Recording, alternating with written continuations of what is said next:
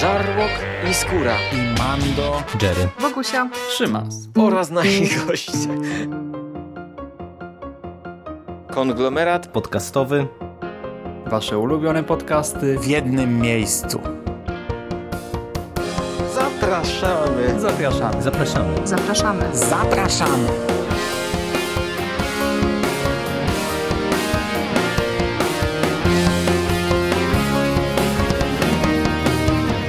Witam w konglomeracie podcastowym, czyli na platformie, która zbiera wszystkie wasze ulubione podcasty w jednym miejscu.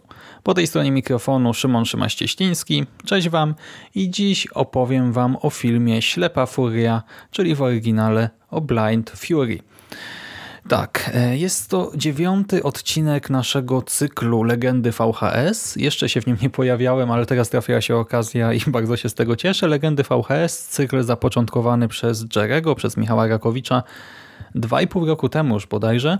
E, Dopiero dziewiąta część, no ale z drugiej strony mamy tyle tych cykli tutaj u nas, właśnie cykli, nie jakichś serii, podserii podcastów jakoś tam mniej lub bardziej ze sobą powiązanych, że to i tak nie jest taki zły wynik.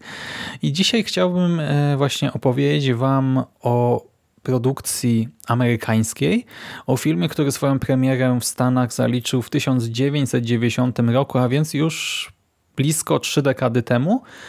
I o filmie, który powtórzyliśmy sobie z Tomkiem i Pawłem tydzień temu, y, właśnie przez wzgląd na to, że gra w nim świętej pamięci Rutger Hauer. Hauera mam nadzieję nikomu z Was przedstawiać nie trzeba, bo no, grał w kilku naprawdę kultowych produkcjach i chociażby rola Roya przeszła do historii kinematografii, ale prawda jest taka, że e, znaczy tak mi się wydaje, nie? że przeciętny zjadacz chleba, przynajmniej w Polsce, pewnie nawet nie zdaje sobie sprawy z tego, w jak wielu, często nietypowych produkcjach pojawiał się Hauer na przestrzeni lat, bo mamy z jednej strony filmy Verhoevena, Olmiego, nie wiem, u Majewskiego się pojawił, z drugiej strony ta cała B-klasa, która też często była dziwaczna, filmy właśnie głośniejsze i cichsze, europejskie i amerykańskie. W sumie tak teraz pomyślałem, że o Verhoevenie moglibyśmy w sumie coś więcej nagrać. W Kongo, no ale to nie wszystko naraz tak w swoim czasie, ale no, wypadałoby to nadrobić. No i właśnie jak się tak o tym myśli, to wręcz chciałoby się, chciałoby się też tak samo nasuwa, nie by sparafrazować pewien słynny cytat i powiedzieć coś w stylu, że wszystkie te jego filmy zostaną stracone w czasie jak łzy w deszczu.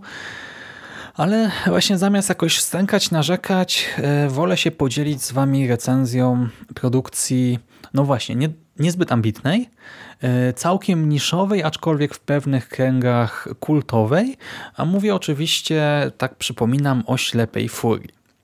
Hauer wciela się tutaj e, w główną postać, w Nika Parkera, weterana wojny w Wietnamie, który właśnie tam na froncie na skutek eksplozji stracił wzrok i okaleczony trafił pod opiekę lokalnych mieszkańców, w tym mistrza w posługiwaniu się bronią białą, który a jakże podzielił się z Nikiem swoją wiedzą, swoimi kompetencjami, swoimi umiejętnościami.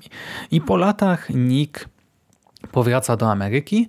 Powraca, by spotkać się z partnerem z kompanii, który, no nie fajna sprawa, porzucił go na placu boju i e, nie ma jednak do niego pretensji, po prostu chce się z nim spotkać, przybywa do jego mieszkania, tam go jednak nie zastaje. Spotyka natomiast jego żonę i dziecko i staje się świadkiem napaści, świadkiem morderstwa, którego ofiarą pada wspomniana żona i Nick, nie rozumiejąc w co tak naprawdę się wplątał, rozprawia się z bandytami, a następnie wraz z osieroconym chłopcem wyrusza na poszukiwania jego ojca i swojego przyjaciela z wojska.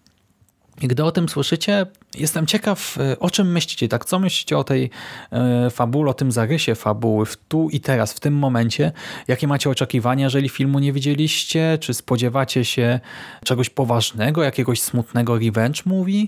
A może po prostu akcyjniaka, pozbawionego logiki, skupionego na spuszczaniu łomotu tym złym, jak to właśnie często bywało e, w kinie, no właśnie akcji, w kinie kopanym, sensacyjnym? A może ktoś oczekuje jednak komedii akcji? No, właśnie to jest ciekawe, bo mamy niewidomego weterana, tutaj właśnie to zabójstwo i tak dalej, ale właśnie ostatecznie powagi tutaj za wiele nie uświadczymy. E, zemsty sensu stricte również brak. Mamy za to wspomniane spuszczanie łomotu bandytom, komedię i mocno, mocno naciąganą logikę. Ja wam powiem już teraz wprost, y, że ten film bywa przeabsurdalny i naprawdę przeokrutnie kiczowaty, ale chyba w tym właśnie tkwi jego urok, że twórcy y, zdawali sobie sprawę, iż nie kręcą niczego poważnego.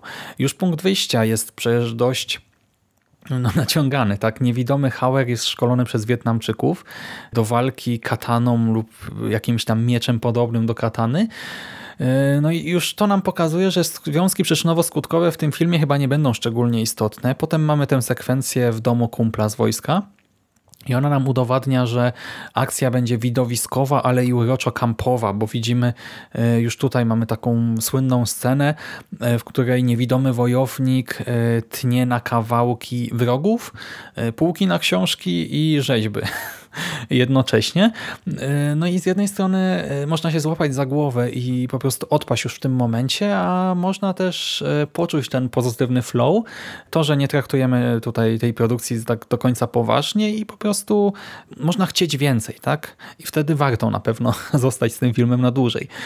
Jeszcze na scenę wkracza nasz chłopiec, a z nim e, wątek takiej męskiej przyjaźni, bo w końcu Nick i dziecko będą zmuszeni tak trochę przez los e, do wspólnej podróży. E, z wieloma właśnie przygodami, jeżeli tak to można ująć. E, no i to jest też prawdziwy festiwal cringe'u i scen, które z dzisiejszej perspektywy wyglądają mocno niezręcznie. I to jest istotne, że mówię o dzisiejszej perspektywie, bo w tamtych czasach pewnie nikt nawet na to nie zwrócił uwagi. Ale gdy w 2019 roku widzi się, jak niewidomy obcy mężczyzna dotyka twarzy nieletniego chłopca, e, no to jednak zapala się czerwona lampka w głowach. Znaczy, oczywiście w tym filmie nie dzieje się nic strasznego ostatecznie, ale po prostu teraz trochę inaczej spoglądamy na pewne sceny. I cała ta główna intryga w gruncie rzeczy jest bardzo prosta, bo sprowadza się do tego, że właśnie, wiecie, bohater chce e, porozmawiać e, ze znajomym właśnie z tych dawnych lat, e, ze znajomym, z którym się rozstał wtedy przy okazji tej całej traumy, tego okaleczenia. Chce się z nim spotkać i powiedzieć mu, że, że wszystko gra, tak, że odnalazł swój wewnętrzny spokój, że pogodził się ze swoim losem, że szuka nowego celu w życiu, że jest ok po prostu między nimi i trzeba ruszyć dalej.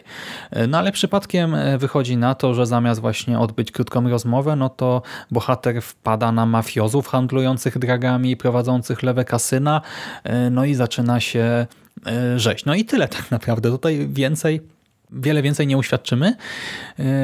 Co do właśnie naszych przeciwników, no to jeden z nich to postać grana przez samego Randala Texa Koba i ów złoczyńca ma dwie niesamowite umiejętności w tym filmie.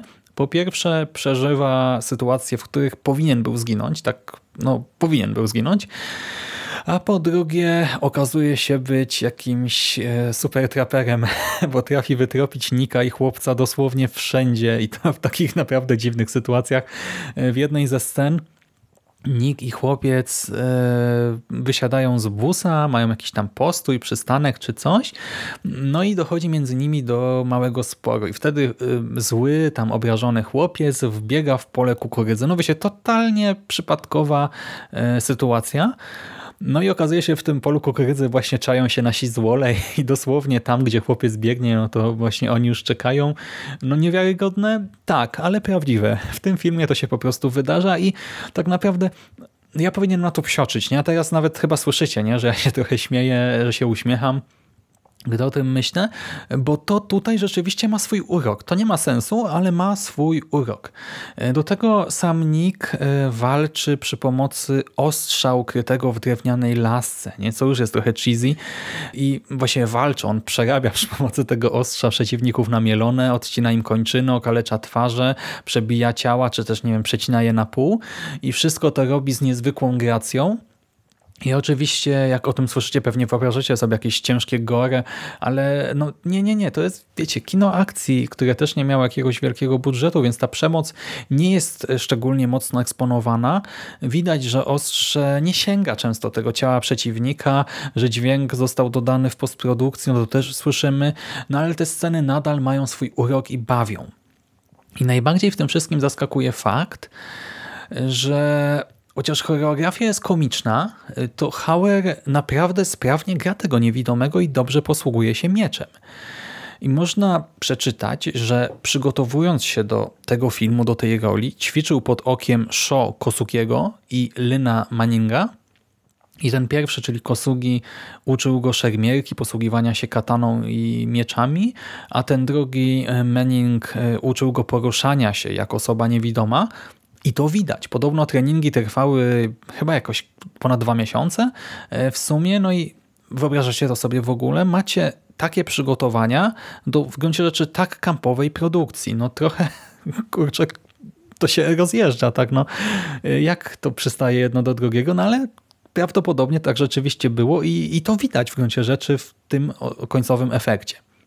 Więc te sceny akcji e, sprawiają jakąś tam frajdę, podobnie jak e, wątki typowo komediowe, bo e, scenarzysta i reżyser puścili wodze fantazji i pozwolili na przykład wbiegać naszemu niewidomemu Nikowi po przewracającej się drabinie, co jest myślę dość skomplikowane, także gdy jest się w pełni sprawnym tak i się widzi, a tutaj to już w ogóle jakiś kosmos, a takich właśnie jak to ująć, przegiętych scen mamy tutaj więcej, bo na przykład Nick i chłopiec kradną w jednej z sekwencji wana. I przez moment towarzyszy im wprawdzie pewna urocza blondynka, no ale domyślcie się, kto ostatecznie będzie prowadził, kto będzie siedział za kółkiem. No właśnie, i jeszcze będzie jechał pod prąd, więc y, no jedziemy ostro po bandzie. I tak samo jest z humorem słownym w gruncie rzeczy, bo mamy tam, nie wiem, wymiany dialogów na przykład takie, że Złol mówi o nasz chodzący się komat, a Hauer, znaczy Nick Parker odpowiada, oferuje też obrzezanie czy mamy właśnie też takie one-linery w stylu o, pan niewidomy, chodząca reklama zatrudniania niepełnosprawnych. I słyszycie, jak to brzmi po polsku, nie? No to brzmi źle po prostu po polsku, ale po angielsku y, przez sam dystans, tak, związany z tym, że ten język jest obcy i przez całą tę kampową otoczkę i fakt, że po prostu no, w tym filmie już nas nic nie zdziwi, nie? niczego nie traktujemy poważnie, to nawet takie dialogi właśnie potrafią bawić, bo po prostu wpisują się w całą tę y, dziwaczną, absurdalną, y, kiczowatą konwencję. I tak od żartu do żartu od cięcia do cięcia docieramy do wielkiego finału y, z jeszcze bardziej epickim cięciem, a po nim widzimy jeszcze pewną skliwą scenę. Tak na moment wracamy do właśnie bardziej dramatycznej fabuły. Y, mamy scenę, która też miała zwiastować sequel, i mało tego, tak naprawdę nawet myślano o tym, by stworzyć trylogię o Nicku Parkerze, ale tak się jednak nie stało, bo Nick y, po ślepej furii już nigdy nie powrócił i w tym kontekście warto wspomnieć o o tym, że Ślepa Furia e, to nie jest scenariusz autorski, to jest remake, amerykański remake filmu Zatoichi Challenged e, z 1967, a więc remake 17 z 26 filmów z oryginalnej serii o niewidomym samuraju. I Zatoiczy to jest fenomen, tak? E, tak jak mówię, nakręcono 26 filmów o nim, e, do tego 100 odcinków serialu i jeszcze kilka tam innych rzeczy i ta postać stała się na tyle popularna, że nawiązania e, do franczyzy związanej z Zatoichim znalazły się w ostatnich latach też w takich filmach jak Water 1 czy Death Proof, pojawiały się też w grach, w Guilty Gearze, w Team Fortress 2 i w tam różnych innych produkcjach, więc Zatoichi jest otoczony kultem tak naprawdę po dziś dzień. Ale mimo wszystko no nie dziwi mnie, że e, Nick nie zyskał podobnej sławy, że ten amerykański remake, że ta próba przeniesienia tego fenomenu na grunt amerykański się nie powiodła. E, ja nie znam filmów z Zatoiczym, obejrzałem tylko shorta e, Zatoiczy kontra Predator. Tak, serio. Zatoiczy kontra, w sensie versus, tak, Predator. No ale wierzę, że to jednak inna klasa niż Blind Fury, bo Blind Fury no oferuje nam po prostu takie szalone kino siekane, głupiutką komedię, brak logiki, cringe, masę uroku, ale jednak właśnie w tym kiczowatym sosie. To jest film z gatunku tak złych, że aż dobrych, nie traktuje się poważnie, nie aspiruje do bycia czymś ambitnym, a po prostu przyprowadza widza przez tę mieszankę scen akcji, scen komediowych i namiastkę fabuły i robi to dobrze. Robi to o dziwo w sumie dobrze. Wystarczy odpowiednie nastawienie i myślę, że możecie się w trakcie seansu naprawdę nieźle bawić i myślę, że tą myślą po prostu zakończę, e, bo w sumie nawet nie mam nic więcej do dodania. Jeżeli lubicie Hauera, e, to zapraszam Was też jutro na Konglo, bo pojawi się u nas drugi odcinek serii Kocham Dziwne Kino i w nim właśnie Dawid Gryza i Rafał Siciński będą rozmawiać o Radgerze Hauerze, ale to już jutro właśnie w wykonaniu tego duetu, a ode mnie na dzisiaj już wszystko. Trzymaj się ciepło, do następnego razu. Cześć!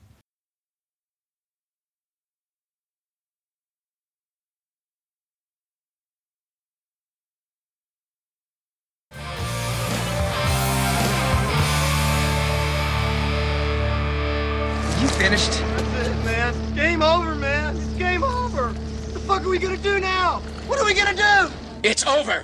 Nothing is over! Nothing! You just don't turn it off!